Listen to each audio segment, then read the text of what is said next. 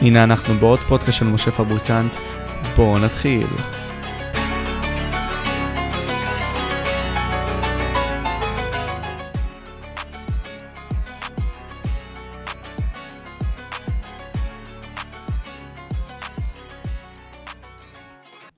ככה תומר, אתה העלית בשישי לדצמבר טוויט שדיבר על האנטישמיות שרווחת אה, באוניברסיטאות בחו"ל, יותר נכון בארצות הברית. אה, באיזשהו מקום אני גם ראיתי את זה, אתמול אה, באחד ה... לא יודע, ערוצי חדשות למיניהם, ששם בעצם הם דיברו על אותם נשיאים של האוניברסיטאות של הרווארד, פן סטייט. כן, כן, כן, הנסיעות עצמם, נכון. אה, MIT, שבעצם לא גינו את המעשים שאותם סטודנטים עשו במחאות האלה, שהם היו פרו-פלסטיניות. כל אותם דברים שהם עשו נגד היהודים. אז יש את הטוויט עצמו, אני אציג אותו כמובן על המסך. אני אשמח אה, שתיתן את הטו סנט שלך כמובן.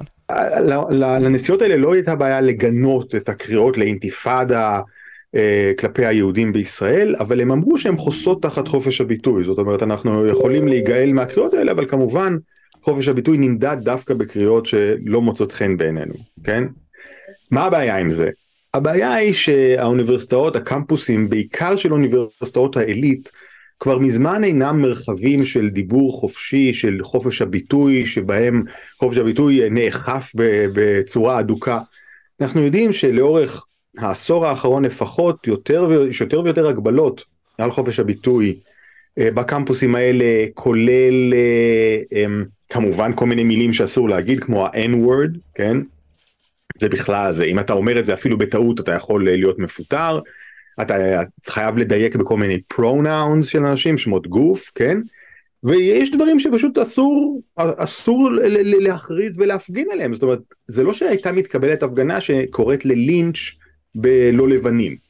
כן, זה לא שהייתה מתקבלת הפגנה שקוראת לריכוז כל ה-Native Americans, האמריקאים הילידים בשמורות ולא לתת להם לצאת. זאת אומרת, יש דברים, יש רעיונות שהם כל כך מזעזעים, שאין להם מקום, כן, בקמפוסים האלה של האוניברסיטאות, אפילו עם כל הרצון הטוב לשמור על חופש הביטוי.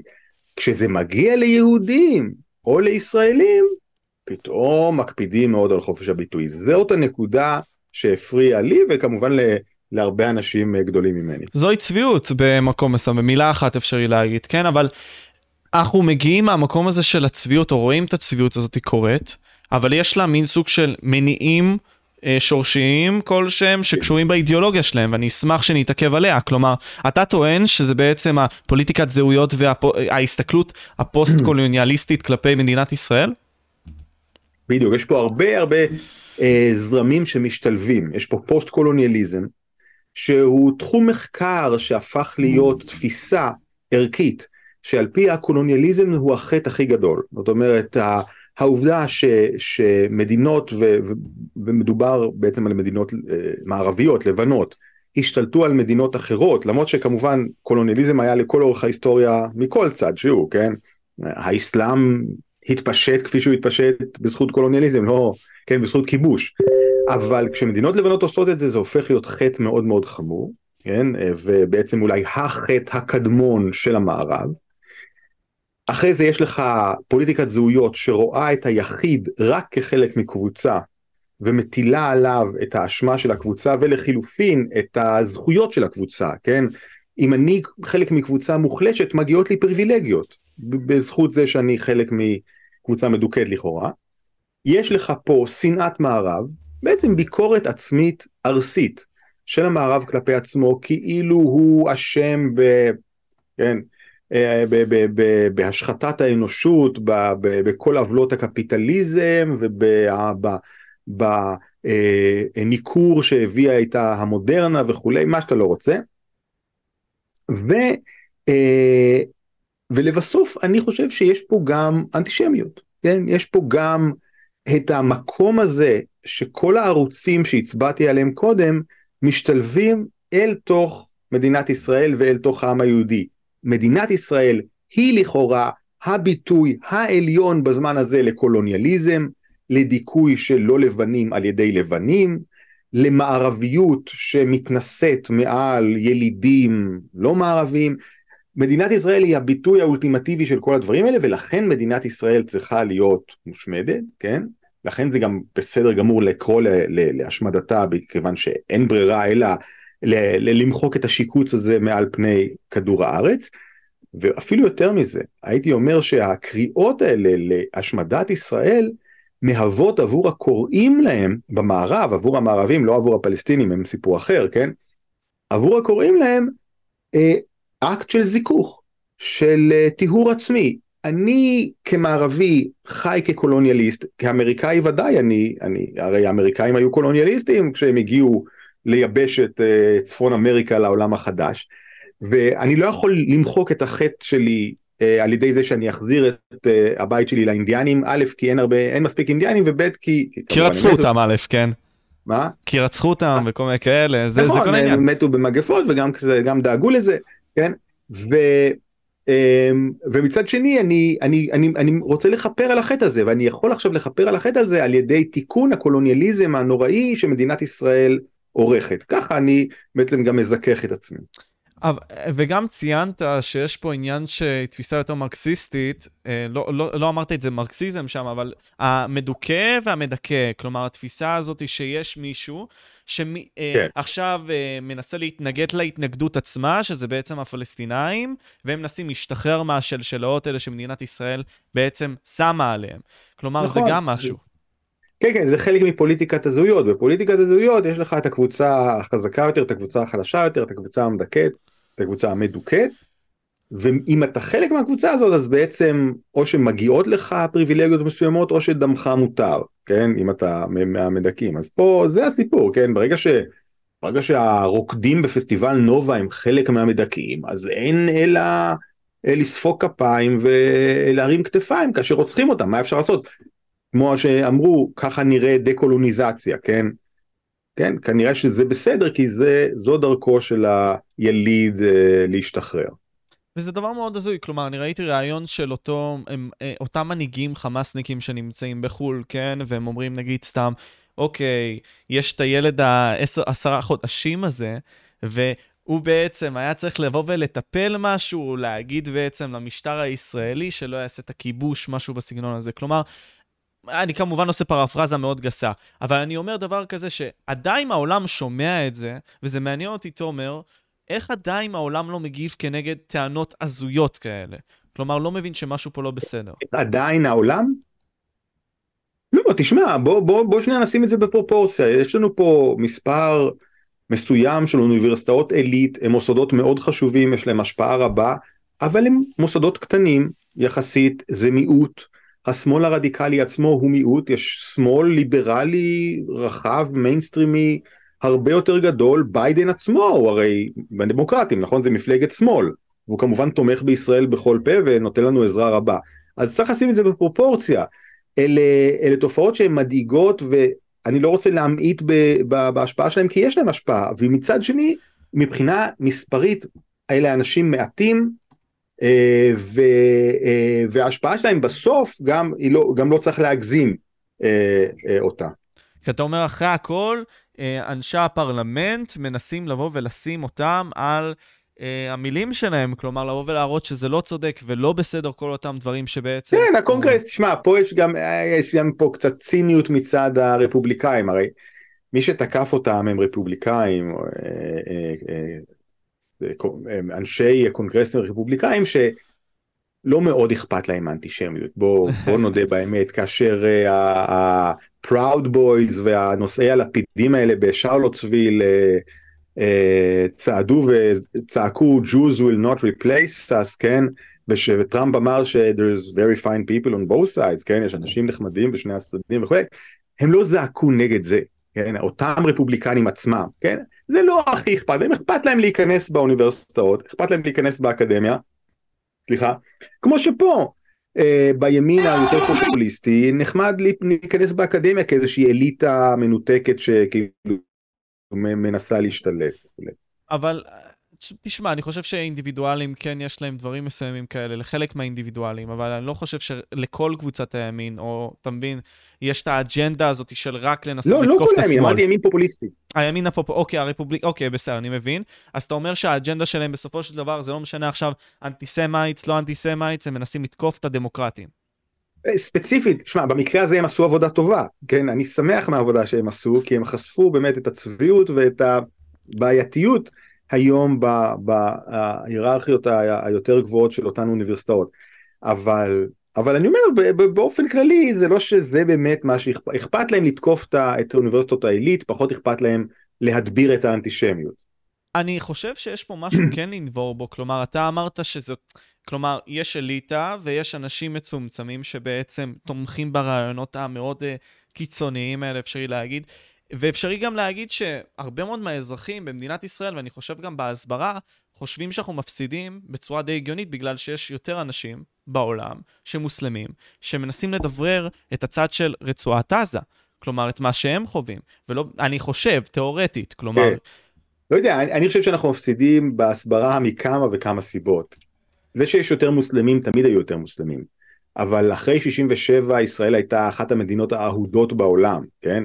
בכלל היה לנו עשור משוגע, שנות ה-60-70, כולם אהבו אותנו, אה, היינו המנצחים הגדולים נגד אה, חמש או שש צבאות ערב שכיסחנו בשישה ימים, היינו גיבורים, ו, אה, והייתה הערצה די גדולה ל, לישראל, למרות שהיו גם אז הרבה יותר מוסלמים מישראלים, אז זה לא הסיפור, הסיפור הוא, או, יש פה כמה סיפורים.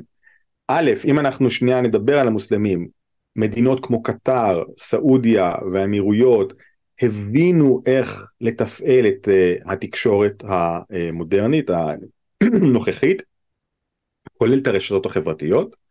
אה, אל-ג'זירה זו דוגמה פשוטה למקצוענות החדשה של החבר'ה האלה בתקשורת והם עושים את זה טוב. ב', סין אה, פועלת נגדנו ורוסיה פועלת נגדנו בעזרת בוטים גם ברשתות החברתיות ובעיקר בטיק טוק שמכפילות ומעצימות פרופגנדה פלסטינית, כן? אה, שתי המדינות האלה נהנות מזה, סליחה, נהנות מזה שיש מלחמה עכשיו בישראל כי זה מוציא את הפוקוס מאוקראינה, רוסיה אה, אה, מאוד שמחה מזה וכולי. אה, אחר כך יש לנו בעיה פנימית בישראל, או שתי בעיות פנימיות. הבעיה הראשונה והבלתי נמנעת היא שאנחנו באמת עושים דברים קשים מאוד בעזה. אנחנו לא כל כך רואים את זה בישראל, אבל אם, אם, אם, אם מישהו יגגל גזה בשורת חיפוש של טוויטר, או פייסבוק אני מתאר לעצמי, אני עשיתי את זה בטוויטר, אתם תראו מראות מאוד מאוד קשים שיוצאים מעזה. אני אנסה להראות את זה עכשיו תוך כדי. אז אה, אה, אה, אפשר, אפשר להגיד שהמלחמה היא בלתי נמנעת, אפשר להיות אה, בעד אה, חיסול החמאס, אני עצמי בעד חיסול החמאס וחושב שהמלחמה היא פחות או יותר בלתי נמנעת, אין לנו ברירה. אבל מה שרואים בעולם הן תמונות מאוד מאוד קשות, אז א', זה כמובן פועל נגדנו, ועוד משהו פועל נגדנו והוא כן נמנע, זה התבטאויות שונות של חברי כנסת שלנו, ושרים שלנו, אנשים שמדברים על הפלת פצצת אטום, על עזה, זאת אומרת ג'נוסייד, כן? כן, זה מוגזם. עם. או אנשים שמדברים גם על בנייה מחדש של גוש קטיף. אנחנו אולי חושבים שזה או שזה נחמד או משחק או שזה געגוע לגיטימי למה שהיה ואיננו. בעולם זה נתפס כקולוניאליזם, כמה שדיברנו עליו קודם, כמעצמה שרוצה להתפשט וליישב את אנשיה במקומות שהם מעבר לגבול של המדינה שלה, זה מה שזה, כן? בסוף. אז עם כל הקשר ההיסטורי שיש לנו כמובן למקומות האלה. אז, אז, אז אי אפשר למכור את זה, אי אפשר למכור את זה גם לא לחברים הליברליים שלנו, אני לא מדבר על האנטישמים ועל הפוסט קולוניאליסטים וכולי, שכמובן נגדנו בכל מקרה, הם נגד 48, אבל החברים הליברליים שלנו נגד מעבר מעבר לגבול 67. אוקיי. Okay. וכשאנחנו מדברים על זה, אז זה יוצר נזק. אז בוא ניצור על זה שיח. קודם כל, אני מאוד חושב שלהציג את הצד השני, גם עשית על זה טוויט. אה, להציג את הצד השני הוא כן חשוב כן. בדבר הזה. כלומר, יש אנשים... בין אם נרצה או לא נרצה. לא, לדעת מה קורה, לדעת מה קורה. כן, בין אם אנחנו מרגישים חמלה כלפיהם או לא חמלה כלפיהם, הדבר המינימלי לעשות בשביל הניסיון להבין את האמת הוא פשוט להסתכל על שני הצדדים ולהבין משם מה לעשות. עכשיו, יש, יש פה עניין מסוים שאני רוצה להתעכב איתך כי כבר העלית אותו. כלומר, אתה מדבר על אותם אנשים שאומרים בוא נטיל פצצת, בוא נטיל פצצת אטום בעצם על עזה, אה, כמו דוקטור אורי מילשטיין שהיה אצלי בתוכנית, אני לא מסכים עם הדעה הזאת, או בוא נשטח נגיד סתם את כל הרצועה והכל וכל האנשים שם, או, או יוסיאן, ש-2.5 מיליון הם טרוריסטים שם. כלומר, קריאות די, די כן. קיצוניות. עכשיו, מה שכן, אבל אני אגיד, שאני מבין שיש שם אנשים והכול, מה שכן אני אגיד, שהם מקבלים את החינוך הזה של להרוג את היהודים והכול. שזה בעייתי כבר, אתה אומר לעצמך, אוקיי, הם אוקיי. מקבלים את זה, אז טיפה הסימפתיה, הסימפתיה והחמלה ירדה כלפיהם, כי הם יכולים להתקיף אותך. ככה אני מסתכל על זה, אני אשמח לשמוע מה יש לך okay. אוקיי. להגיד. וכתוצאה מכך אני אומר, אין בעיה, אני לא רוצה, אני רוצה שיהיה שלום, אין לי בעיה. האם בהכרח זה יהיה על השטחים שלנו? זו שאלה אחרת. האם בהכרח אנחנו צריכים לעשות שתי מדינות ושתי עמים בגבולות שלנו? זו שאלה, לא יודע, אין לי שמץ. שאלה מעניינת. אז בוא נתהדר בה, בוא ננסה להתעסק בה. לא, אין בעיה, תשמע, אנחנו לא מטילים עונש מוות על חינוך. כן, ובוודאי שלא בלי משפט. יש שם הרבה אנשים, הם, החינוך שהם מקבלים הוא חינוך של החמאס, ואנחנו יכולים לתאר מהו, כן, אה, למרות שכבר הרבה זמן לא היו שם בחירות, למרות שחמאס תפס את השלטון בצורה רודנית, ולמרות שאני מתאר לעצמי שיש הרבה אנשים שם שלא רוצים את החמאס, אבל אין להם ברירה כל כך, כי לא שואלים אותם, ומי שמנסה להפגין הרבה פעמים יורים בו.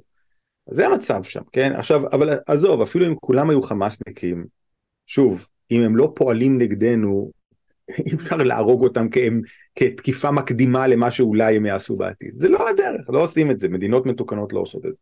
זהו, אין הרבה מה לעשות. זה אני מסכים איתך. אוקיי. אני אומר אבל, אה, אתה, אתה ציינת שזה רק דרך שלטון חמאס שהוא דתי-לאומני. אני דווקא אומר, כי ראיינתי בן אדם שהיה מחבל לשעבר, שהוא הגיע מג'נין. אה, מה אתה אומר? כן, כן, כן, כן. והוא עזר לשב"כ, לאחר כל העניין הזה שהוא היה שם, הוא אמר לי שגם בחינוך שלהם, ביהודה ושומרון, הם קיבלו את אותם דברים, את החינוך הזה של להרוג את היהודים. אז אני אומר, אוקיי, כלומר, אולי האוכלוסייה ביהודה ושומרון פחות קיצונית, כי היא פחות דתית, אבל עדיין יש את האוכלוסייה הזאת, שעדיין עושה את הדברים הפחות טובים האלה, ופחות גורמת לנו להרגיש בטוח במדינה שלנו.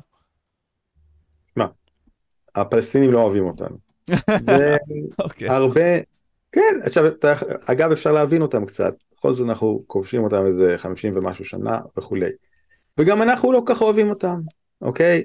אני מזכיר לך שלפני אה, אה, שנות, אה, לפני אה, 79 המצרים לא אהבו אותנו ואנחנו לא אוהבים אותם וגם הם עדיין לא כך אוהבים אותנו וגם אנחנו עדיין לא מתים עליהם, כן? השאלה היא לא באמת להיות חברים. השאלה היא האם אפשר להסכים על איזשהו גבול ולהיפרד, לא כידידים, להיפרד, כן? בסוף זאת השאלה, זה מה שקרה עם מצרים, זה מה שקרה עם ירדן, זה מה שאנחנו מנסים לעשות עם לבנון ולא מצליח, וזה מה שבסופו של דבר נצטרך איכשהו לעשות עם הפלסטינים. אני, אה, אין, אין מצב בעולם שאתה יכול לכבוש מיליוני אנשים, לא לתת להם זכויות אזרח, ולצפות שהם לא ישנאו אותך. מסכים, כן? זה מסכים איתו, כלומר מצור... ושוב, אני לא, לא, לא טוען שזה קל, אני לא טוען שהפתרון פשוט, אני, אני תומך בפתרון שתי המדינות, פעם הייתי הרבה יותר אופטימי לגביו, ואולי אפילו קצת נאיבי לגביו. ברור ש, שהסיטואציה הזאת קשה, אבל בסוף, מה תעשה, כן? מה תעשה? אני קודם, אה, אני, כן, כן, כן, תמשיך, תמשיך את מה שאתה אומר. האמת ששכחתי מה רציתי להגיד, אז תגיד. סליחה, אני, אני אומר, אה, יש את העניין הזה של המצור, ואמרת אותו ממש נכון, כלומר, אתה מצפה שאזרחים, כאשר אתה מטיל להם מצור, ב, אה, כאילו, אתה סוגר אותם בחומות מסוימים, כן? לא נותן להם כל כך לצאת בצורה ש... כלומר, אתה מגביל את חופש התנועה שלהם, בוא, let's just say it כן. like that. אז ברור שהם לא יאהבו אותך כאזרחים, זה נקודה. אני מסכים איתך פה, כן? אבל אני אומר דבר כזה, נגיד ונעזוב את הרצועה, גם ביהודה ושומרון, כלומר, אתה אומר בוא נעשה את שתי המדינות לשתי עמים כי זה האינטרס, שבסופו של דבר ישרת אותנו, אין מה לעשות, אנחנו לא יכולים נכון. לכבוש אותם כי זה לא, זה לא בסדר, זה לא מוסרי מספיק. לדעתי, גם אני מסכים איתך בנוגע לזה. אוקיי. אני אומר אבל, אם יש לאש"ף את הסמל של מדינת ישראל עליו, מהנהר עד הים, אני אומר לעצמי, אוקיי, יש פה משהו. כלומר, גם אם אני אתן להם את השטח של יהודה ושומרון, ויעזוב את כל קברי יוסף ושכם וכל הדברים האלה, כל הדברים ההיסטוריים האלה, הכל טוב. כאילו, הם עדיין ירצו את כל המדינה. הם ירצו את כל המדינה? לא אומר שלא. גם אנחנו נרצה את כל המדינה. הרי גם אנחנו מסתובבים עם הסמל, אותו סמל. מהים ל... אה, לירדן, נכון? דניאלה וייס אמרה באיזה ראיון לפני שבועיים לניו יורקר שהיא רוצה מנהר הפרת עד נהר המין הנילוס. חלומות יכולים להיות, אנשים יכולים ל, ל, לרצות מה שהם רוצים, השאלה אם בסוף אתה מוכן לפחות באופן פרגמטי להתפשר על מה שיש, כדי לא להיקלע למלחמה נצחית. עכשיו אני אגיד לך עוד שני דברים, אוקיי? חכה אה, שנייה, מה הדבר הראשון שרציתי להגיד? תקצץ את זה אחר. אני אגיד עוד דבר אחד, תשמע, הפלסטינים, יש לנו פלסטינים בעזה, יש לנו פלסטינים ביהודה ושומרון, ויש לנו פלסטינים פה בישראל, נכון? אזרחי ישראל. אתה שם לב שהם שונים בהתנהגות שלהם וביחס שלהם כלפי ישראלים, למרות שהם אותו עם, לפעמים אותם משפחות ממש, כן? זה, זה אותם אנשים, כן? זה, זה יכול להיות שהאח שמטפל בי בבית חולים פה בירושלים, הוא חלק ממשפחה מזרח ירושלמית פלסטינית, שהחלק השני שלו בכלל בעזה או ברמאללה או איפה שלא יהיה. זה אותם אנשים. עכשיו למה הם יכולים לי, להתייחס אלינו אחרת ולנהוג אחרת ולחיות איתנו יותר או פחות בשלום? למה? כי הם מקבלים תנאים אחרים. ויש להם זכויות אחרות, ואנחנו מכירים או לא מכירים בזכות שלהם לבחור ולהיבחר, הם אזרחי המדינה או לא אזרחי המדינה. יש פה קומפלקס שלם שמעצב איך בני אדם מתנהגים בסוף, כן? אי אפשר להתחמק מזה, זה, זה אותו עם שאנחנו יודעים שהוא יכול להתנהג אחרת, כן? אה, כל זה, אני רק רוצה להדגיש, לא אומר שהתגובה הנורמלית או הלגיטימית לאפליה של העזתים או של היהודה ושומרונים, כן, של הגדה המערבית, ש, אה, שהחוס, זה שאנחנו לא נותנים להם אזרחות מצדיק טרור, כן, או מצדיק את מה שקרה חלילה בשבעה באוקטובר, בהחלט לא. אני לא חושב שטרור מוצדק אף פעם. אף פעם אני חושב שאסור לפגוע באזרחים, כן? זה לא אומר שהמאבק הלאומי הפלסטיני, כן? זאת אומרת כל מה שאמרתי על האפליה, לא אומר שהמאבק הלאומי הפלסטיני הוא לא נורא היום, ביזיוני וכושל, ויהיה כתם על ההיסטוריה הפלסטינית בכל סיטואציה שלא תהיה בעתיד, גם אם יקבלו מדינה והם יחיו במדינה הזאת 100 שנה, עדיין יהיה כתם אדיר על איך שהם קיבלו את המדינה הזאת, כן? אני לא, כל זה,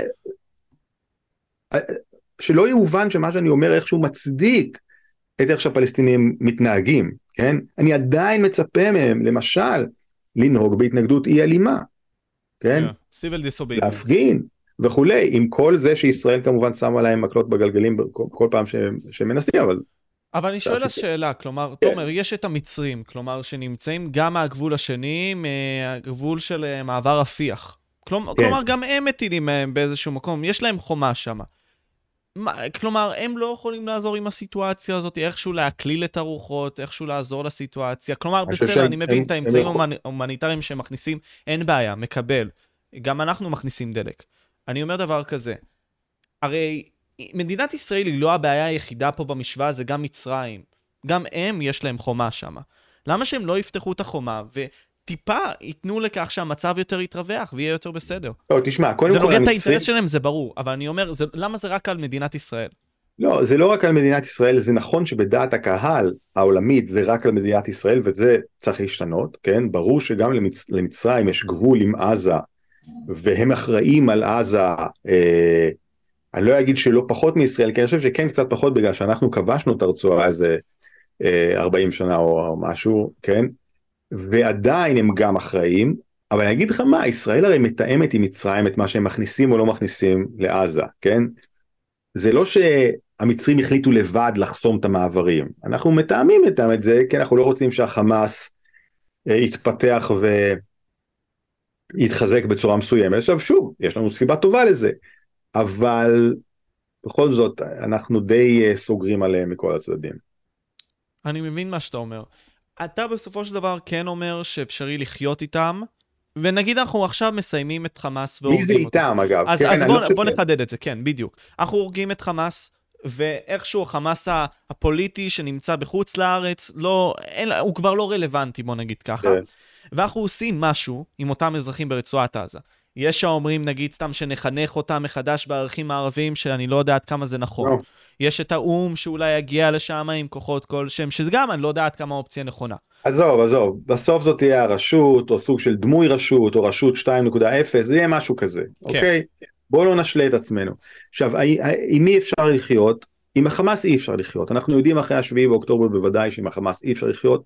אני גם לא מוכן כן, לקבל את החמאס כהנהגה לגיטימית אחרי מה שהוא עשה, כן? אה, אבל עם הרשות אפשר לחיות, אנחנו יודעים שאפשר לחיות איתה מיהודה ושומרון, אנחנו יודעים שמדינת ישראל מספקת לה נשק, מספקת לה כסף, כנראה ש... ואנחנו יודעים שהשב"כ גם אומר שהרשות עוזרת למנוע טרור, כן? הרשות והחמאס הם לא חברים, הם הורגים אחד את השני, ואנחנו זוכרים שכשהחמאס אה, השתלט על עזה ב-2007, הוא, הוא, הוא ירה, הוא, הוא רצח את אה, אנשי הרשות שם, כן? שהגיעו מ-2005, כלומר את פת"ח. כן, אחרי ההתנתקות, אחרי הפינוי מעזה וכולי. אז השאלה היא מי אפשר לחיות, אבל אז עם החמאס לא, אבל עם, עם רוב הפלסטינים כן אפשר, שוב, לא אוהבים אותנו, אנחנו לא אוהבים אותם, השאלה אם אפשר ליצור איזשהו גבול ואיזשהו אה, אה, איזשהו מודוס ויבנדי, איזשהו דרך חיים משותפת שתתנהל בצורה פחות או יותר אה, שלווה. אבל כל הקטע הוא שגם, וזה משהו שאני לא מצליח כל כך להבין, כלומר, פת"ח, לפי מה שאני מבין, הרושם עצמו, שהם לוקחים את הכסף מהאזרחים עצמם, בוזזים מהאזרחים את הכסף, וזה למה האזרחים לא אוהבים אותם גם, את השלטון למה עצמו. למה בוזזים? הם לוקחים מיסים, כן. הם מושחתים. הם מושחתים בלי כל קשר. כן. כן? אה, הם לוקחים את הכסף, הרי הם לוקחים הרבה כסף שמגיע לרשות מחו"ל, דרכם, ובדרך הם, הם בוזזים לעצמם כסף, זה כן. אז, אז, אז אני חושב שהאזרחים לא כל כך אוהבים אותם גם. לא אוהבים אותם בכלל. אז, אז, אז מה האלטר... כאילו, כלומר, אני אומר, אוקיי, אז, אז מה האלטרנטיבה כאן מבחינת ההנהגה שלהם? אני לא רוצה לגלות לך מה, אני רוצה, אני אגלה לך משהו, אני לא כל כך אוהב את הממשלה הנוכחית. בוא נדבר על זה, אין לי מה, בוא נדבר על זה. אני אגלה לך עוד משהו, היא מושחתת. אני גם מקבל את זה. אז תשמע, מה אפשר לעשות? זאת ההנהגה. אבל האזרחים, אבל עדיין, עדיין כשזה קורה, האזרחים עדיין אוהבים את ביבי, למרות הכל. יש, אני יודע, בסקרים זה כבר מיעוט די, די קטן, אבל יש כאלה. אז מה, שוב, אני לא טוען שהרשות היא, כל פעם אנחנו, כאילו, אנחנו מחפשים את הפינלנדים שיהיו לידינו שאיתם נעשה שלום, הם לא פינלנדים, הם לא יהיו פינלנדים, הרשות לא תהיה ממשלת פינלנד, זה מה יש, אוקיי? עכשיו השאלה היא, מה האלטרנטיבה ש, אה, ש, אה, שמונחת לפנינו?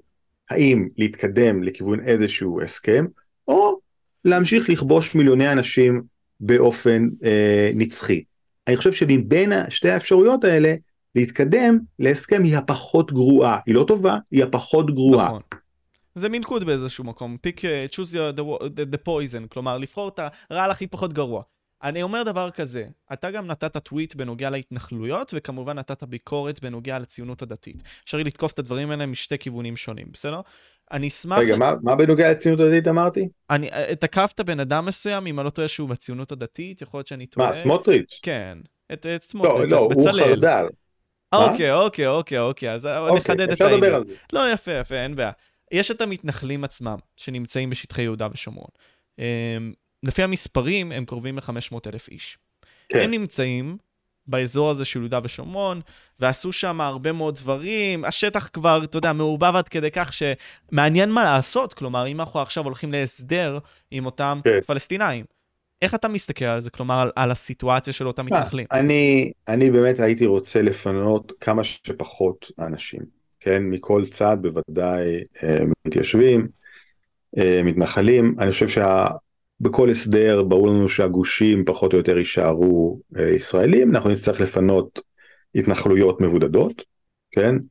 שלא יוכלו להישאר, כמובן כל המאחזים החוקיים צריכים לעוף, הם אפילו, כאילו הם לא חוקיים אפילו על פי חוקי ישראל. אה, זהו, מה אפשר לעשות? אה, ההתנתקות 2. מה? ההתנתקות 2 באיזשהו מקום. להתנחלויות מבודדות, כן. ושוב, אני לא טוען שזה חלום אה, אה, ורוד שמתגשם, אני טוען שזה האופציה הפחות גרועה. ובשתי המקרים, כלומר, בין אם זה ביהודה ושומרון ובין אם זה ברצועת עזה, עדיין אנחנו צריכים להשאיר כוח ביטחוני לדעתך? כן, אני חושב שאחרי השביעי באוקטובר אמ, די ברור שאנחנו נצטרך לשלוט על מעברי הגבול, כן? זאת אומרת, בבקעה, אה, על הירדן, אה, יצטרך להיות, אה, יצטרך להיות כוח ישראלי, שצה"ל, ש, שישלוט על מעברי הגבול, אחרת אנחנו לא יכולים להיות בטוחים שהם לא יעבירו כלי נשק שיסכנו אותנו מאוד, אבל המדינה עצמה או הסמי מדינה או האוטונומיה או משהו כזה תתנהל אה, ברשות עצמה. בוא נדבר על ממשלת המושחתים הזאת שדיברת עליה, כן, הממשלה הנוכחית שלנו. כלומר, הממשלה שמורכבת על ידי משיחים, כמו שאנשים מכנים אותם, אה, וגם גוש אה, נתניהו. מעניין אותי איך אתה מסתכל על הדבר הזה, אני מכיר את העמדות שלך, אבל בכל זאת, לצופים עצמם, איך אתה מסתכל עליהם? מה, תן לי שאלה קונקרטית. כלומר, אוקיי, אוקיי, יפה, יפה. כי יש את הנושא של המלחמה, ואפשרי לתקוף אותו, ואת ההתנהלות שלו, ובכללי, אם אנחנו עכשיו נדבר על הזרם היותר, אה, בוא נגיד ככה, משיחי, האם לדעתך הוא בעיה למדינה עצמה? כלומר, בשביל שנתפתח קדימה? אז אני קודם כל ארצה פחות להשתמש במילה משיחי, ויותר להשתמש במילה אה, פונדמנטליסטי, או, ואנחנו בעצם מדברים על החרד"ל, נכון? אנחנו לא מדברים על החרדים, שהם בעיה בפני עצמה, ואפשר לדבר על זה, אבל הם לא באותה רמת מסוכנות מיידית של החרד"ל. כשאנחנו, ו, ופה אני מדבר על, על, על, על, על הציונות הדתית של סמוטריץ', ועל על מפלגת הציונות הדתית, לא על הציונות הדתית כמגזר, ועל כמובן על הכהניסטים, על עוצמה יהודית וכולי. שניהם מסוכנים מבחינות שונות, הם, הם מאמינים בתסריטים משיחיים לפעמים, אה, תנכיים בפעמים אחרות, הם אה, לפעמים אנטי ממלכתיים, איתמר בן גביר לא חושב שלמדינה יש איזושהי קדושה, סמוטריץ' עדיין כן. מה זאת אומרת, אם אתה יכול לחדד את זה? לא, ש, אה, תראה, הכהניזם הוא תנועה אנטי ציונית, כן? כהנא לא חשב שלמדינה כפי שהיא היום, מדינה שמונהגת על ידי חילונים ושנבנתה כמדינה מערבית חילונית, יש זכות קיום. כהנא חשב שמדינת ישראל החילונית צריכה להתפרק ולבנות במקומה מדינת הלכה. בן גביר הוא תלמידו של כהנא. עכשיו, כמה מהעמדות האלה הוא אימץ וכמה הוא שינה או עיצב אה, בתוך עצמו, שאלה טובה. צריך לבדוק, אבל בגדול הכהניזם לא חושב שמדינת ישראל זה איזשהו גליק גדול שצריך לשמר. סמוטריץ' מגיע מבית מדרש שכן מקדש את המדינה, שחושב שמדינת ישראל היא בעצם ראשית צמיחת גאולתנו, כס השם בעולם, אבל הממלכתיות שלו היא כבר הרבה יותר מצומצמת ממה שהייתה הממלכתיות של המפד"ל פעם, אה, ויחד עם זה עדיין מבחינתו המדינה עדיין יש בה מימד של קדושה, אוקיי? אבל שוב, שניהם מקדמים חזונות מש... הם, הם משיחיים במובן הזה שהם לא מתכתבים עם המציאות הקונקרטית. הם לא רואים את המציאות, אלא הם רואים את התוכנית שלהם למציאות והם מלבישים אותה בכוח על המציאות, כן? אתן לך דוגמה פשוטה מהזמן האחרון. שנים, חמש, עשר שנים, שמענו מהאגף הזה של הציונות הדתית ומהרבנים שלו ומסמוטריץ' עצמו ומחברי כנסת שלו כמו רוטמן שנשים לא יכולות להיות קרביות, נשים לא יכולות להיות חיילות קרביות, אין להן מספיק מסת שריר וזה יבלבל את הבנים וזה יביא לתוצאות גרועות וזה שצה"ל מנסה את זה זה בלחץ הארגונים הפמיניסטיים ובלחץ הנשים הפמיניסטיות ובלחץ הטרור הפמיניסטי כל מיני כאלה כן. בסוף זה לא היה משום נימוק ענייני אלא רק כי הם מאמינים כי ההלכה מבחינתם אוסרת על נשים להילחם כן והם מאמינים שאסור להיות, שנשים לא, אסור להם להיות חיילות. זאת האמונה שלהם, הם מלבישים אותה על המציאות, עובדות לא משנות להם, ומנסים לכפות את המציאות שתתאים לתבנית שהם מלבישים עליה. וראינו בשביעי באוקטובר עד כמה זה מנותק מהמציאות, עד כמה אין קשר בין מה שהם חושבים ומה שהם מאמינים לבין המציאות. אותו דבר בדיוק מתרחש בנוגע לכל יהודה ושומרון, להתנחלויות, לתוכניות שלהם, על איך זה צריך להיות או לא, מה צריך לעשות עם הפלסטינים או לא. נערי הגבעות. הם אף פעם לא בתקשורת, מה? נערי הגבעות.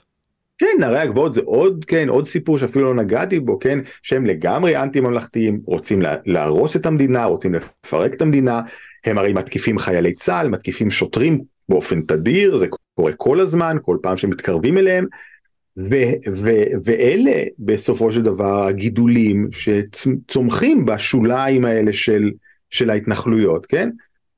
אז שוב, כל, ה, כל הקבוצות השונות האלה שמרכיבות את הציונות הדתית היותר פונדמנטליסטית, הן מסוכנות מאוד לעתיד המדינה. אז, אז מפה אני שואל שאלה כזאת, כלומר, לא משנה איך אנחנו ניקח את זה, עצם העובדה שהציבור הזה עדיין גדל, הכוח שלו יישאר אותו דבר, בין אם נרצה או לא נרצה. ואז אני מעלה את הדבר הזה, כלומר, הדבר הזה לא ישתנה. לא נראה לי, אני לא יודע איך אפשרי לשנות בעצם את האמונה של אותם אנשים. אני בגדול, okay. אוקיי. אני איתך בגישה הזאת, כן? שהיא גישה די מעניינת, שאני חושב שהציבור עצמו, אתה יודע, לוקח אותו על עצמו, כלומר שאנחנו לא מדינת הלכה. בוא, בוא נשים את זה כן, ככה. נכון, אנחנו נכון. מדינה שלוקחת או מנסה לקחת דברים מסוימים, בטח. כן, ומנסה לחיות איתם, אבל אנחנו חיים במציאות מודרנית של המאה ה-21, עם חד ערכים משמעית. מערביים, ואנחנו צריכים לשלב בין השניים. כן, אנחנו מדינה נכון. יהודית, נכון, אבל אנחנו גם מדינה מערבית, חד משמעית. אז, אז, מנסים. אז אנחנו מנסים, כן, בדיוק. אז, אז, אז אני מעלה את הדבר הזה, כלומר, מה אפשר יהיה אז לעשות עם הדבר הזה? כי אתה לא, אתה תצטרך להתמודד איתם, זה לא משנה, כלומר, עדיין... לא, אני אתמודד כוח. איתם, אני, אני, לא, אני, לא, אני, לא, אני לא, לא רוצה להתמודד איתם. אנחנו מתמודדים איתם גם היום ונמשיך להתמודד איתם. השאלה אם הם יהיו בשלטון. השאלה אם הם יהיו שר האוצר והשר לביטחון פנים. אוקיי. זאת השאלה. כי כשהם שר האוצר והשר לביטחון פנים, אז הכלכלה הולכת והביטחון הולך. כן, כששר האוצר מנסה אה, אה, ל- ל- ל- לבצע כלכלת אם בחוקותיי תלכו, כן, והיה עם שמוע, כן, כלכלת והיה עם שמוע, כפי שהוא אמר, הכלכלה שוקעת, והשקל נחלש. והוא משלם הרבה מאוד תקציבים, או מזרים הרבה מאוד תקציבים לכל מיני בחורי ישיבות, וכל מיני אה, אה, מוסדות חינוך חרדים שלא מלמדים ליבה, כי הוא מאמין שזה, והיה עם שמוע, אם בחוקותיי תלכו, כן? וכששר המשטרה הוא בן גביר, אז אנחנו רואים ש, שיש פחות ביטחון אישי, ודאי לערבים וגם ליהודים בישראל, כן, יש יותר פיגועים, יש חלוקה מופקרת של כלי נשק שאנחנו רק מתחילים בעצם אה, אה, אה, בתהליך ש, שהאסוני הזה שיביא אלינו כל מיני אה, קטסטרופות. יובל קסטלמנים למיניהם. בדיוק עכשיו תראה עכשיו תראה את הסיפור הזה עם קסלמן הוא, הוא, הוא סיפור מבחן כי עכשיו מנסים נדמה לי אני מקווה שאני טועה בכל הכוח להוציא את הבחור הזה שירה בו בלי אה, מאסר כן ומה קרה בעצם? אותו אבי, אביעד פריג'ה בעצם הוא חייל מילואים, שכביכול הוא מתנחל. בעצם היה את הוא הפיגוע... מתנחל הזה ש- לגמרי הוא נער גבעות כן. הוא נער גבעות, הוא גם אמר את זה, שזה זרם, אם אני לא טועה, טרנדי או משהו בסגנון הזה, או מיינסטרים, משהו בסגנון הזה, כן? אה, אמר בריאיון שהוא עשה עם ינון מגל. בכל מקרה, היה אוקיי. פיגוע של אותם ערבים שהם עשו את זה, ותוך כדי שאותו קסטלמן עזר להרוג את אותם מחבלים, אותו אביעד פריג'ה בעצם הרג את יובל קסטלמן בעודו מרים ידיים. כן בוא, בוא נשתמש במילים אה, אה, זהירות צריכה להיות עוד לכאורה, חקירה אבל כמובן, לכאורה, אבל כן, כן. לכאורה, אה, פריג'ה הזה ירה בקסלמן בעודו מרים ידיים והוא הרים ידיים איזה 10-12 שניות רק בווידאו, כן, רק ש... זאת אומרת, זה היה ברור, זה לא היה תוך כדי קרב או משהו כזה, או הוא הרים ידיים והוא ישר ירה בו, לא, הוא הרים, הוא חיכה, היה ברור מה שקורה שם, ואם אכן הוא ירה בו אחרי זה, זה כמובן הוצאה להורג בלי משפט, זה, זה לא בהתאם לפקודות צה"ל וזה לא בהתאם לחוק הישראלי, אבל אם עכשיו ינסו להוציא את הפריג'ה הזה, כן, בלי אישום, זה יהיה איתות לכך שבעצם המשטרה מנוהלת על ידי בן גביר, ובעצם כל אזרח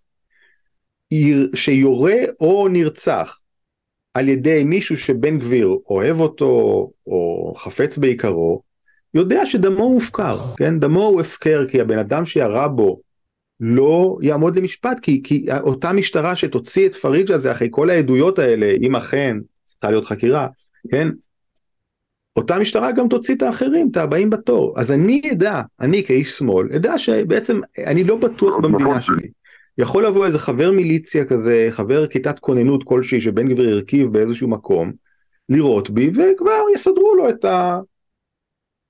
את הפטור מהעמדה לדין. וזה זה דבר מעניין כשלעצמו. אני, אני, אני לא אומר שעצמם בן גביר וסמוטריץ' הם מושלמים. אני אומר שכמובן שנצטרך להסתדר עם הדברים, עם אותם אוכלוסייה, ואני אגיד גם שאין מה לעשות, כלומר, האוכלוסייה הזאת היא רק תמשיך להתעצם, ואני לא חושב שבהכרח אותם אנשים הם רעים. לא יודע, לא יודע, אני לא יודע אם תמשיך להתעצם, היא, היא מעוצמת למדי כבר עכשיו, אבל אני לא יודע מה, מה הוקטור, כן? בסך הכל קשה מאוד להיות חרד"לי כמו שקשה להיות חרדי בעולם המודרני, כן? זה צריך עבודה מאוד קשה כדי שהילדים שלך יגדלו ולא יהפכו לחילונים. זה לא פשוט, כן? ואני אומר גם לזכותם, כן, של החרדים ושל החרדלים, שמשקיעים הרבה מאוד מאמץ בזה, וזה יפה, כי זה האידיאולוגיה שלהם, כן? הם באמת מממשים אותה. אז אני לא יודע אם הם ימשיכו ויגדלו, אולי כן, אולי לא, אני לא טוען שהם לא חזקים גם ככה, כן? רק בוא, אני רק מטיל ספק בזה. קיבלתי. אמ, נתניהו, איך אתה מסתכל על אותו, אתה יודע, נגמר, האם נגמר אה, ההיסטוריה של נתניהו? הוא, יפה אבל שהוא הוציא את האוטוביוגרפיה שלו לפני המלחמה, חייב להגיד. כן, כן, לא, זה ספר שהפך להיות לא רלוונטי בזמן שיא, אני חושב, באמת. באמת, אפשר כאילו באמת לגרוס אותו לקופסאות אה, ביצים היום. אמ, אה, תשמע, על נתניהו כבר נאמר הכל, מה אפשר להגיד? די, הבן אדם צריך ללכת, הוא מביא נזק למדינה, כל יום נוסף שהוא שם הוא מביא נזק, ברור גם לכולם שהוא היום שהוא, שהוא, שהוא נטל, כן? הוא, מה הוא עושה? מצטלם עם חיילים ומחייך? זה מגוחך, כן? ברור שלא אה, הוא מביא את אה, הרעיונות הטובים אה, בקרבות בעזה, כן? הוא הסוג של הדוגמן שעומד מלמעלה ומצטלם. בסדר, בכל מקרה, הוא, הוא כמובן צריך ללכת, ואני מאמין שהוא ילך. יש גם את המשפטים שעושים עכשיו נגדו, הולכים לעשות פעמיים בשבוע, משהו בסגנון הזה, חדש את תיקי נתניהו. בסדר, נו, כן, הבן אדם גם עומד למשפט, זה הרי מגוחך, אני, אתה יודע, אני זוכר ליכודניקים, אני אלך יותר אחורה. אתה זוכר שאולמרט אה, הואשם, נפתחה נגדו בחקירה, ואז נתניהו יצא ואמר שראש ממשלה תחת חקירה לא יכול כמובן להיות ראש ממשלה, כי קיים סיכון, אני חייב לומר, לא בלתי סביר, שראש הממשלה יטה את uh, התנהגותו על פי צרכיו המשפטיים, כן? זה נתניהו של אולמרט, ואז כמובן כל הליכודניקים uh, גיבו אותו ואמרו שאולמרט צריך להתפטר, ואתה יודע מה אני אמרתי? מה אתה אמרת? אולמרט צריך להתפטר, כן? זה היה ברור שאולמרט צריך להתפטר כי הוא תחת חקירה וראש הממשלה לא יכול לנהוג תחת חקירה, הוא לא יכול להישאר בתפקידו, ובאמת אולמרט התפטר. אבל כשאותו דבר בדיוק קרה לנתניהו, פתאום כל הליכודניקים שעמדו לצידי אז וצעקו לאולמרט להתפטר, גם אני צדקתי, כן? השתתקו. ואני גם זוכר ליכודניקים שאמרו, תשמע, זה עדיין רק חקירות, אם יהיה כתב אישום, אז נקרא לו להתפטר. אה. ומה קרה? לא קראו לו להתפטר. כן. או, או, והיה בהתחלה, הכתב אישום על שוחד, אני זוכר שהיו גם כאלה שאמרו לי, תשמע, אם זה רק הפרת אמונים, זה לא נורא, אבל אם זה שוחד, אז אני אקרא לו להתפטר. לא קראו לו להתפטר, כן? זאת אומרת, יש איזה אה, גבול שהולך ומרחיק לכמה הם מוכנים לסבול מנהיג מושחת, ומסתבר שהגבול הזה הוא כמעט אינסופי. כל, כמעט אין דבר שנתניהו יכול לעשות שימאיס אותו עליהם. וככה הגענו עד למקום שכל המדינה בעצם ספגה את הקטסטרופה הגדולה בתולדותיה, בגלל שבן אדם אחד תקוע בכס ראש הממשלה כבר 15 שנה, עם אג'נדה מדינית כושלת, עם אג'נדה כלכלית כושלת מפני שהוא נותן כספים סקטוריאליים לכל מי שמוכן ללחוץ עליו, אוקיי, כן? מסכים. ועם משפט שוחד בלתי נגמר, כאשר אנחנו יודעים שלבן אדם לכל הפחות הוא, הוא בוודאי לא טלית שכולה תכלת, כן? זאת אומרת זה בן אדם שמקליט את עצמו, מציע שוחד למו"ל, אוקיי? בוא נזכור את זה. יש, לו, יש הקלטה, כן? זה לא... קיצור, זהו, שילך. ומכאן מגיעה השאלה, אנחנו הולכים לאיזשהו פרק אחרי המלחמה עצמה. נתניהו נגיד הלך, ואיתו גם, אתה יודע, יכול להיות שבגלל שיהיה זרם חדש שיבוא וייכנס, בין אם זה האופוז... האופוזיציה והכל, אנחנו נצטרך להעלות את השאלה, כלומר, לאן אנחנו הולכים מפה? הזהות היהודית, מדינת ישראל, מה אנחנו הולכים לעשות מפה, כפי שאתה רואה את זה? מה הולך להיות ביום שאחרי המלחמה? טוב, תשמע, קודם כל זו שאלה קשה כמובן. כי אנחנו לא נביאים, אני ואתה, כן. אה, כן, אמ, אני ספציפית קצת, אבל, לא, זה, זה באמת, אני אגיד לך כמה תהליכים שאני חושב שיקרו, אוקיי? אמ, המלחמה הזאת כולה קרבה, אני חושב, את כולנו יותר בוא נגיד קודם כל ההיסטוריה היהודית, אנחנו מרגישים עכשיו חלק מההיסטוריה היהודית, כי קרה לנו פוגרום, כן? אה, זה לא זיכרון רחוק, זה לא משהו שסבא וסבתא מספרים עליו, או שאנחנו קוראים בספרי ההיסטוריה. אנחנו לא בעידן אחר, אנחנו בחוליה נוספת בשרשרת הארוכה, ארוכה, ארוכה של ההיסטוריה היהודית, שהיא גם שרשרת טרגית. וזה קרה לנו ולשכנים שלנו ולבני משפחה שלנו בדורנו. אז ההיסטוריה היהודית עכשיו קרובה אלינו יותר והזהות היהודית קרובה אלינו יותר וזה קודם כל אומר שאחרי המלחמה אנחנו יכולים למשל לצפות לגל של חזרה בתשובה. אה, אני חושב שיהיה גל כזה. היה גל כזה גם אחרי מלחמת יום כיפור שהייתה גם טראומה וגם אכזבה מהאתוס הציוני באופן מסוים ויהיה בוודאי גם גל כזה הפעם. יהיה אה, מצד שני התקרבות יחד עם זה אל יהדות ארצות הברית שרובה לא אורתודוקסית ורובה אה, ליברלית ופלורליסטית אולי תהיה עלייה של יהודים אמריקאים שיכולים לבוא בכל מיני סוגים אורתודוקסים ואחרים כן רפורמים וקונסרבטיביים. אה, יהיה גם אפשר לצפות לפעלתנות ליוזמות חברתיות שונות אם אתה אה, זוכר או, או טוב שנינו לא בדיוק אה, או לא נולדנו היינו מאוד מאוד קטנים אז אה, גוש אמונים התחיל ב-74 ישראל כבשה את יהודה ושומרון ב-67, אבל ההתנחלויות ממש כתנועה חברתית התחילו רק ב-74, למה? רק אחרי מלחמת יום כיפור התחיל, יום, יום, התחיל סליחה, גוש אמונים כתנועה חברתית שבאה להשיב את רוח העם, את רוח החלוציות, את רוח הציונות וכמובן גם להביא את המשיח וכולי, כן? יהיו תנועות דומות לגוש אמונים עכשיו, כן? הציונות הדתית ודאי תצא ביוזמות חדשות שיתאימו לאג'נדה שלה, אה, ואני גם חושב שיהיו יוזמות ליברליות או, או רפובליקניות במובן הממלכתי של המילה, לא במובן המפלגה האמריקאית, אלא במובן של דאגה לרפובליקה, דאגה לממלכתיות, כן? אפשר למשל לדמיין שתנועת אחים לנשק תעשה משהו עם עצמה, אני לא חושב שהיא תרוץ כגוף פוליטי, אבל היא בוודאי תיזום מפעלים חברתיים, כן? זו תנועה ענקית ומאוד מרשימה, מאוד יעילה, אה, שבטח תעשה משהו. אז יהיו מין תנועות כאלה שיעשו דברים, שינסו אה, להוציא את עם ישראל במרכאות מהבוץ, להחזיר את הרוח למפרשים. ככה הם עושים וכו'. גם עכשיו עם החמ"ל האזרחי.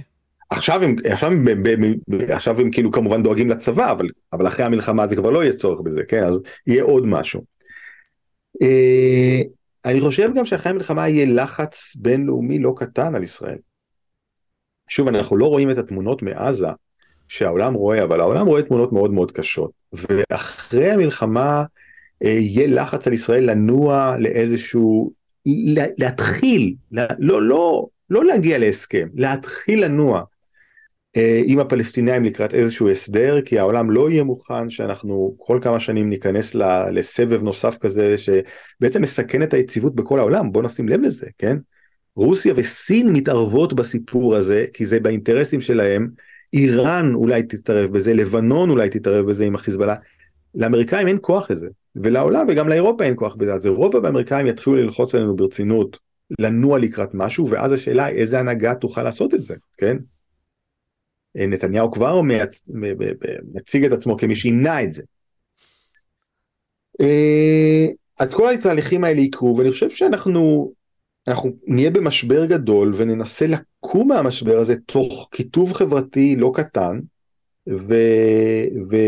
ו... ו... ו... ו... ותהליכים חברתיים מאוד מאוד מעניינים.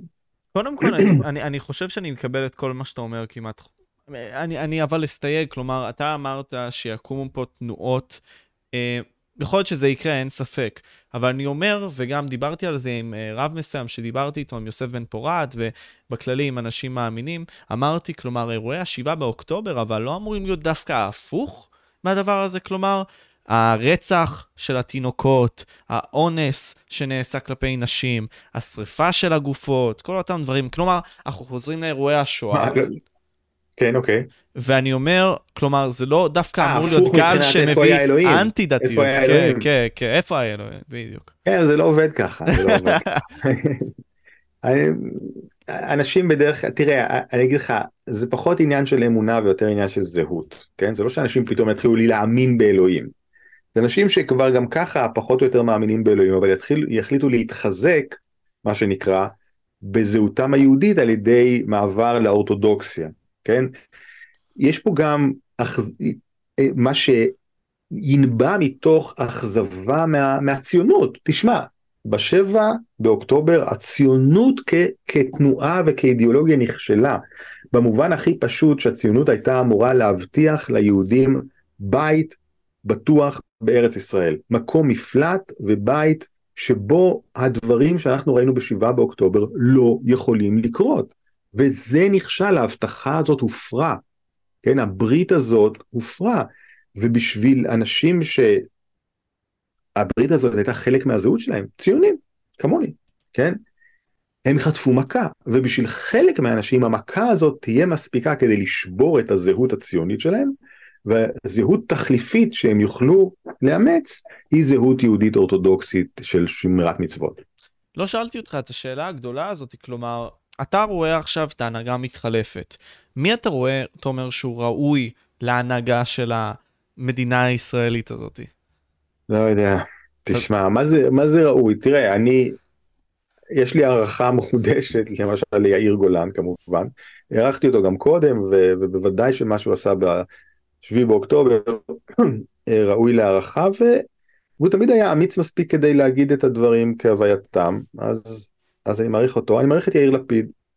Uh, אני חושב שהוא הוכיח בגרות בכל השנים האחרונות במהלכים הפוליטיים שלו, ואני גם מאוד מעריך את הנאום שהוא נשא ערב יום כיפור, אני לא יודע אם שמת לב לזה, שבו הוא בעצם אמר הולכת להיות מלחמה.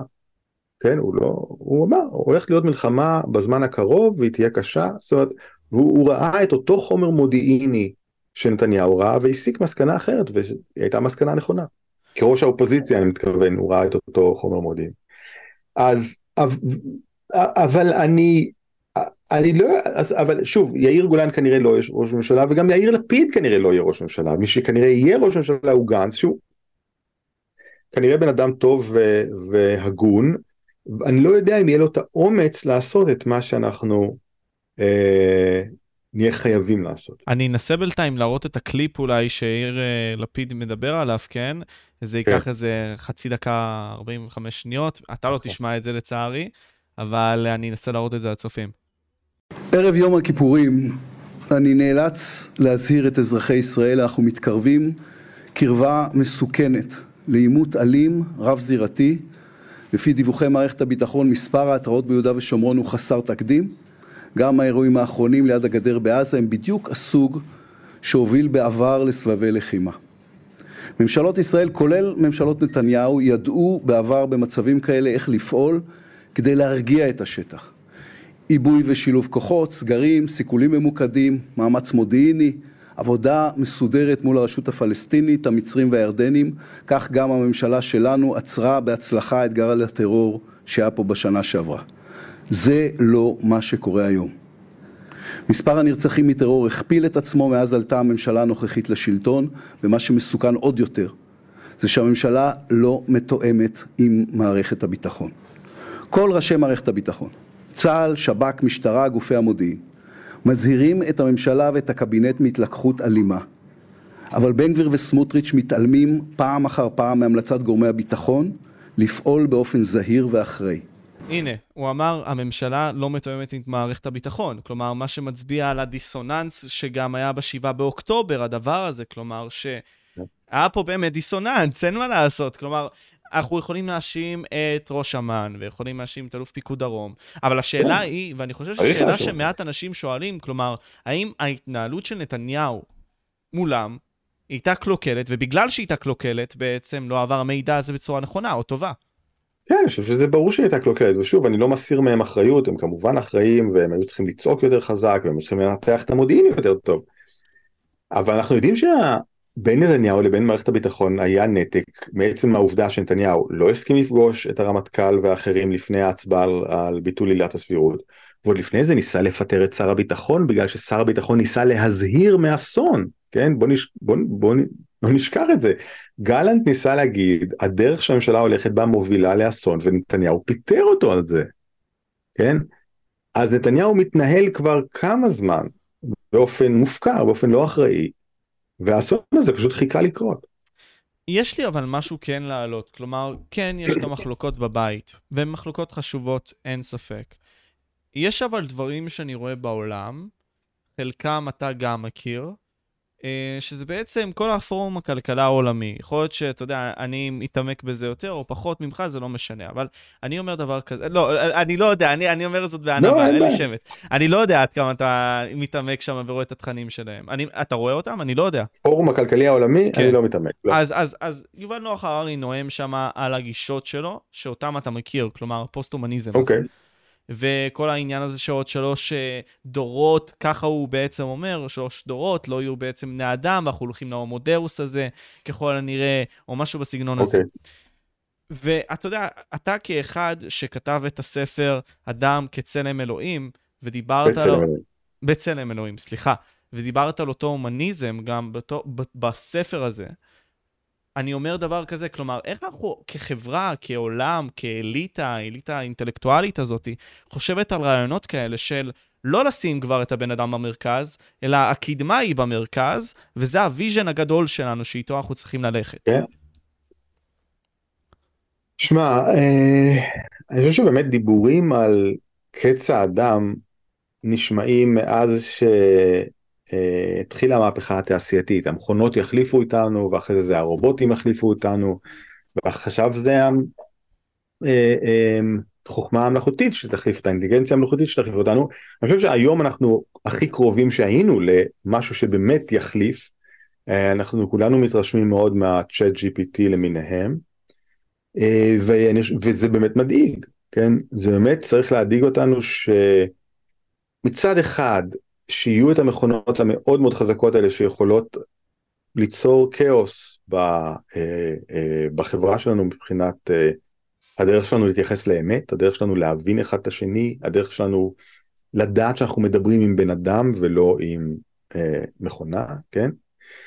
ומצד שני גם יהפכו בני אדם בעצמם ליותר שטחיים, זאת אומרת אם אני בעוד כמה שנים לא אצטרך לכתוב בעצם שום דבר, כי כל, אני רק אתן פקודה למחשב, אפילו באופן קולי, כתוב לי אימייל לכך וכך ותמנה בו את הסיבות שאני הולך להתפטר מהעבודה נגיד כי אני לא צריך לכתוב את האימייל הזה אפילו כן, כן. אני לא צריך לכתוב עבודות סמינריוניות באוניברסיטה ואני לא צריך לכתוב מכתבים ואני לא צריך לכתוב שום דבר ולא לקרוא ולא להיות באינטראקציה אמיתית עם בני אדם אחרים אני חושב שיש לנו סיבה לדאוג כי התרבות שלנו מבוססת על אינטראקציה בוודאי וגם על קריאה וכתיבה אנחנו התרבות המערבית התרבות הציוויליזציה לא רק המערבית אלא, אלא בכלל מבוססת על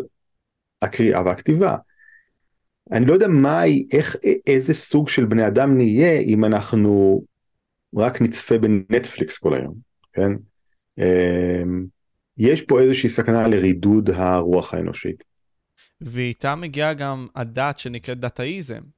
כלומר, מה שיובל נוח הררי מדבר עליו, שאתה יודע, 아, אה, זה מה כן, שאתה אמרת, כלומר, נגיד הצ'אט GPT הזה, שנגיד סתם כן. אנחנו נבוא, והוא ייתן לנו כל הזמן את התשובות שאנחנו מחפשים, ובכך יספק את הרצון הזה, כלומר, את הביטחון הזה כביכול שהאמונה נותנת לנו, כן? האמונה כן. המונותאיסטית, אז עכשיו זה עם ביג דאטה.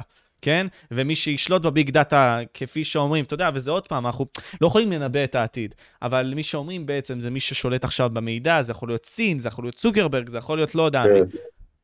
איך אתה מסתכל על הדברים האלה? אה, תשמע, אני לא חושב שדת הדאטה אה, תחליף דתות אחרות, אה, דתות כאילו מסורתיות. אני חושב שתמיד לבן אדם יהיה צורך באיזושהי טרנסצנדנציה. הדת לא נותנת לנו רק מידע, אלא גם משמעות. והיא נותנת משמעות גם מכיוון שהיא מציעה לנו משהו שהוא לא העולם הזה. לא ידע על העולם הזה, אלא הצצה או אמונה למשהו אחר מהעולם הזה, למשהו שהוא גדול מהעולם הזה. ואני חושב שהצורך הזה תמיד יהיה קיים, בין אם יש אלוהים או אין אלוהים, כן? יש uh, סיפור מפורסם של דוסטובייבסקי, כן?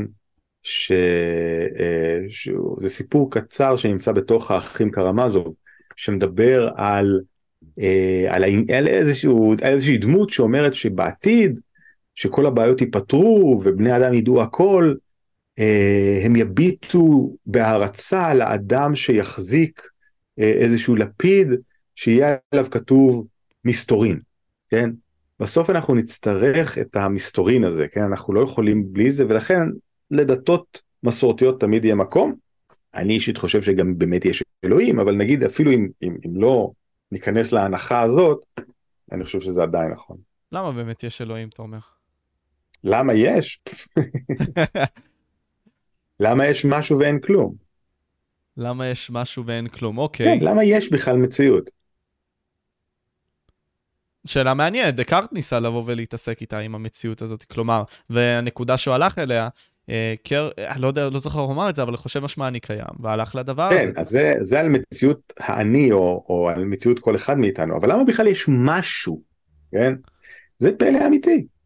זה ויטקנשטיין אגב אה, דיבר על זה, שזה שיש משהו זה המיסטי. אה, זה, זה מין, מין פלא גדול. ולמה יש טוב בכלל, כן? למה אנחנו בכלל מתעסקים בטוב ורע? למה אם, אם, אם, אם אנחנו רק בעלי חיים, למה בכלל שיהיה מושג של טוב או לא טוב? למה אין רק מושג של יעיל או לא יעיל? חשבת על זה? או מאושר או לא מאושר. כן, או כיף או לא כיף, זה לא מאושר, זה כיף, כן? כיף או לא כיף, מאושר זה כבר איזשהו אה, עונג שיש לו גם משמעות, כן? יש פה שאלות קשות שהן מאוד רציניות אני חושב, ו, ובסופו של דבר יש גם איזשהו מסתורין. אנחנו חיות די, אה, אתה יודע, כלומר, עצם העובדה שרק דיברנו על זה, התפלפלנו על זה, אנחנו מבינים עד כמה אנחנו בתור בני אדם עוד בשלב, אתה יודע, האינפנסי שלנו. כלומר, עצם העובדה הזאת שסבבה, אנחנו 50 אלף שנה עם המהפכה הלשונית, משהו בסגנון הזה, והצלחנו לחשוב על רעיונות ולכתוב אותם וכל מיני כאלה. מי אמר שבהכרח מה שהנצרות אמרה עם המוסר והכל, זה המוסר שאנחנו צריכים לדגול בו. כלומר, מה זה אומר בעצם, הערכים האלה, מי אמר בכלל, אוקיי, אז אה, מטרה של כל גוף היא להסתגל ולשרוד. כן. אוקיי, סבבה, אבל מפה אתה יכול ליצור סט ערכים מסוים שאיכשהו מעצב את החברה בצורה שאתה רוצה לעצב אותה בתור, לא יודע, אליטה אתה יכול לקרוא לזה, לא יודע. לא, אני, אני חושב שגם העובדה היא שלבני אדם לא מספיק לשרוד. לא מספיק לנו רק לשרוד, אנחנו רוצים משהו מעבר לזה. משמעות. אנחנו רוצים משמעות, נכון, אנחנו רוצים טוב, אנחנו רוצים לעשות טוב. כן, רובנו לפחות, אנחנו מגדירים את הטוב הזה אחרת, אבל יש איזשהו רצון לעשות טוב. אני חושב שהרצון הזה בעצמו הוא פלא גדול, כן? אז יש פה משהו כנראה שהוא יותר מורכב מפשוט לחיות וליהנות, כן? מה ש... שזה גם חשוב. כן, לגמרי, אני מסכים איתך, כלומר, ההידוניזם הזה זה לא מספיק, אנחנו צריכים למצוא משהו שמלכד אותנו יותר, ואמרת את זה גם באמונה. אני אומר דבר כזה, תומר, כלומר, היום איזה שאלות באמת מעסיקות אותך? השאלות העמוקות האלה, שאתה מנסה אולי להבין על המציאות, דברים שאולי אתה פחות משתף, אני לא יודע, שבאמת הן מעמיקות בך בתור בן אדם. האמת היא שאני חקרתי את הנושאים האלה המון שנים, הייתי רוחניק אפשר לומר, הייתי מחפש רוחני, אני נסעתי להודו, אני חושב שאני כבר בפעם ה-13 או ה-14 שאני שם. אמ, ו, ו, ו, ו, ו, ובעניין הזה אני, אני, אני, אני קצת הנחתי לחיפוש הזה כי גם כי מצאתי הרבה תשובות למה שניסיתי לחפש וגם כי המצב הפוליטי בישראל אמ, חייב אותי מוסרית לפחות לנסות להתייחס אליו ולנסות אה, אה, לתת את, ה, את, ה, את, את, את הסיוע שאני יכול אה, לתת, את הדבר הקטן שאני יכול לעשות. אמ, אבל אם אתה רוצה להיכנס לסיפורים על, על חיפושים רוחניים ומשמעות הקיום, זה, זה, שמע, זה, זה שיחה ארוכה, כן? אבל תשאל ואני אשמח כי אתה יודע, כלומר, אתה באמת היית בהרבה מאוד מקומות במסע הרוחני שלך, ואתה יודע, כל אחד מאיתנו מנסה למצוא את המקום שלו בעולם. אה, זה יכול להיות במסע הרוחני שלך, שלך, זה יכול להיות במסע אה, קיומי של אדם אחר, זה לא משנה. איזה משמעות אתה מצאת לחיים שלך, או המשמעות לחיים? אמ, מבחינתי, הדבר הכי חשוב בחיינו הוא להגיע לידע השם. כאשר לדעת כאן, זה במובן התנכי של המילה, של להיות בקשר אינטימי עם. אני רוצה להיות בקשר אינטימי עם ההוויה, עם אלוהים. איך עושים את זה? ופה יש לך אין ספור דרכים רוחניות שמנסות לאפשר ליצור האנושי להגיע לאיזשהו קשר עם ההוויה, עם הקיום, איך שלא תקרא לזה, כן? זה בדרך כלל כולל איזושהי טרנספורמציה והפחתה של האגו, כן? של העצמיות שלנו. אנחנו בסופו של דבר צריכים לוותר על קצת מתפיסת העצמיות שלנו, מהמוצקות, אפשר לומר, של מי שאנחנו חושבים שאנחנו. אנחנו צריכים, במילים אחרות, לקחת את עצמנו קצת פחות ברצינות. לדעת שאנחנו כישות אוטונומית, אה, נפרדת מכל מה שפה, כן, מכל העולם, לא קיימת כפי שאנחנו חושבים שהיא קיימת. האדמו"ר הזקן, אה, מייסד חב"ד, הרבי שניאור זלמן מילדי, אמר, עיקר עבודה זרה שמחשיב את עצמו כיש, אוקיי? Okay? המהות של הכפירה או של העבודה הזרה זה אם אנחנו חושבים שאנחנו קיימים כיש, כן? ו- ו- ו- ו- וזה אני חושב, ופה אני חושב שהוא צודק, וכשאנחנו קצת פחות חושבים על עצמנו כיש, אנחנו יותר מבינים שאנחנו חלק מהקוליות, חלק מההוויה, וזה להיות בקשר אינטימי עם ההוויה. כלומר, זה יכול לקחת אותנו לדבר כזה שכולנו מחוברים כבני אדם? כולנו קשורים אחד לשני? אנחנו מבינים שאנחנו תמיד היינו בכל מקרה חלק מאותה רקמה אנושית אחת חיה, או רקמה קיומית אחת חיה. אנחנו, אה, אה, בסופו של דבר, אני ואתה וכל מה שפה זה אותו הדבר, כן? יש רק דבר אחד, והוא כל מה שקיים, כן? ואנחנו בעצם סוג של מערבולות בתוך הזרם. אני, אני לא טוען שתומר כאורגניזם לא קיים, אבל הוא מערבולת בתוך זרם והוא עשוי מאותם מים ואותה הוויה של כל הדברים האחרים. וההשלכה של הדבר הזה לדעתך, כן, כפי שאתה מתאר אותה, שאם אנחנו לוקחים את החיים פחות ברצינות, ומנסים לשים את ההבדלים בצד בין בני האדם. כלומר, יש את הלאומיות עכשיו, שזה מנגנון לא, שמפריד. כל הדברים האלה קיימים, אבל הם פשוט, פשוט הם, הם שלב ב' או ג' או ד' אחרי השלב הבסיסי שבו יש איזושהי אחדות בין כל התופעות.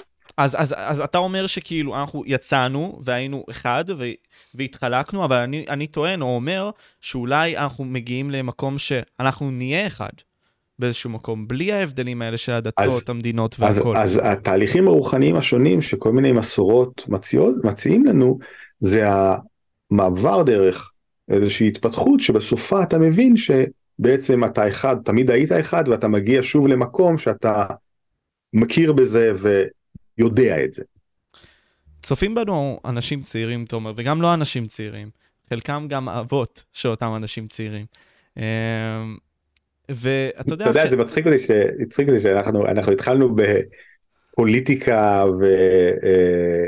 ומאורעות הימים והמלחמה ואנחנו כאילו הגענו למסעות רוחניים ולסוד הקיום. זה אוקיי. היופי, אבל זה היופי, אתה יודע, זה כל העניין בלקחת את הדברים פחות ברצינות, כלומר, אתה יודע, אנחנו יכולים כל כך, יש את המשפט הזה שאומר, תסתכל על החיים מקרוב זה טרגדיה, תסתכל על החיים מרחוק זה קומדיה, כלומר, וזה באמת ככה, כלומר, אנחנו יכולים להסתכל על המציאות שלנו ולהגיד, זה אשם, זה אשם, זה רע, זה רע, טה טה טה טה טה טה, אוקיי, אבל בפנים גם יש... אחלה משה, הכל בסדר, בסדר, קדימה.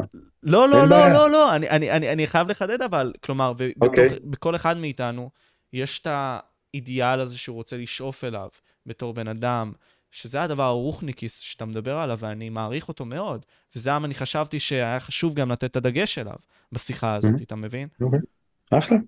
ואמרתי, ונוגע לאותם צעירים ואבות של הצעירים האלה שצופים בתוכנית, יש כאלה שרוצים לעשות שינוי.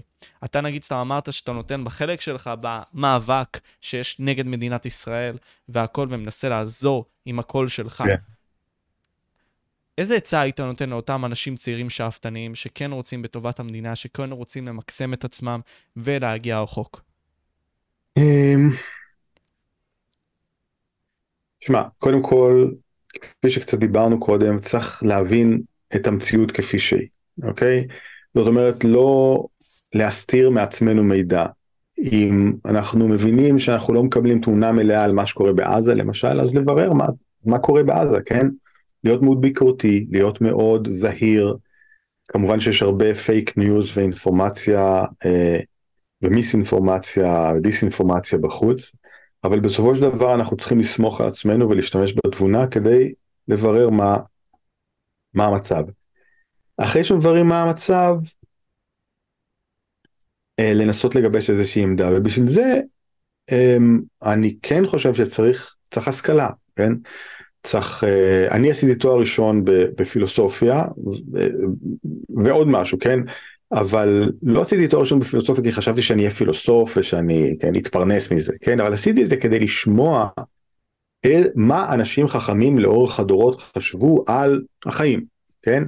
זה חשוב, זה חשוב להבין את זה, זה חשוב לדעת מה, מה אנשים באמת חשבו ואיך הם ניגשו לפתור את בעיית משמעות הקיום או, או אה, החיים. אז, אז צריך להשכיל, צריך, צריך לקרוא, צריך ללמוד, צריך ללמוד ממי שיודע ולהיות צנוע מספיק כדי להגיד אני לא יודע ואני רוצה ללמוד.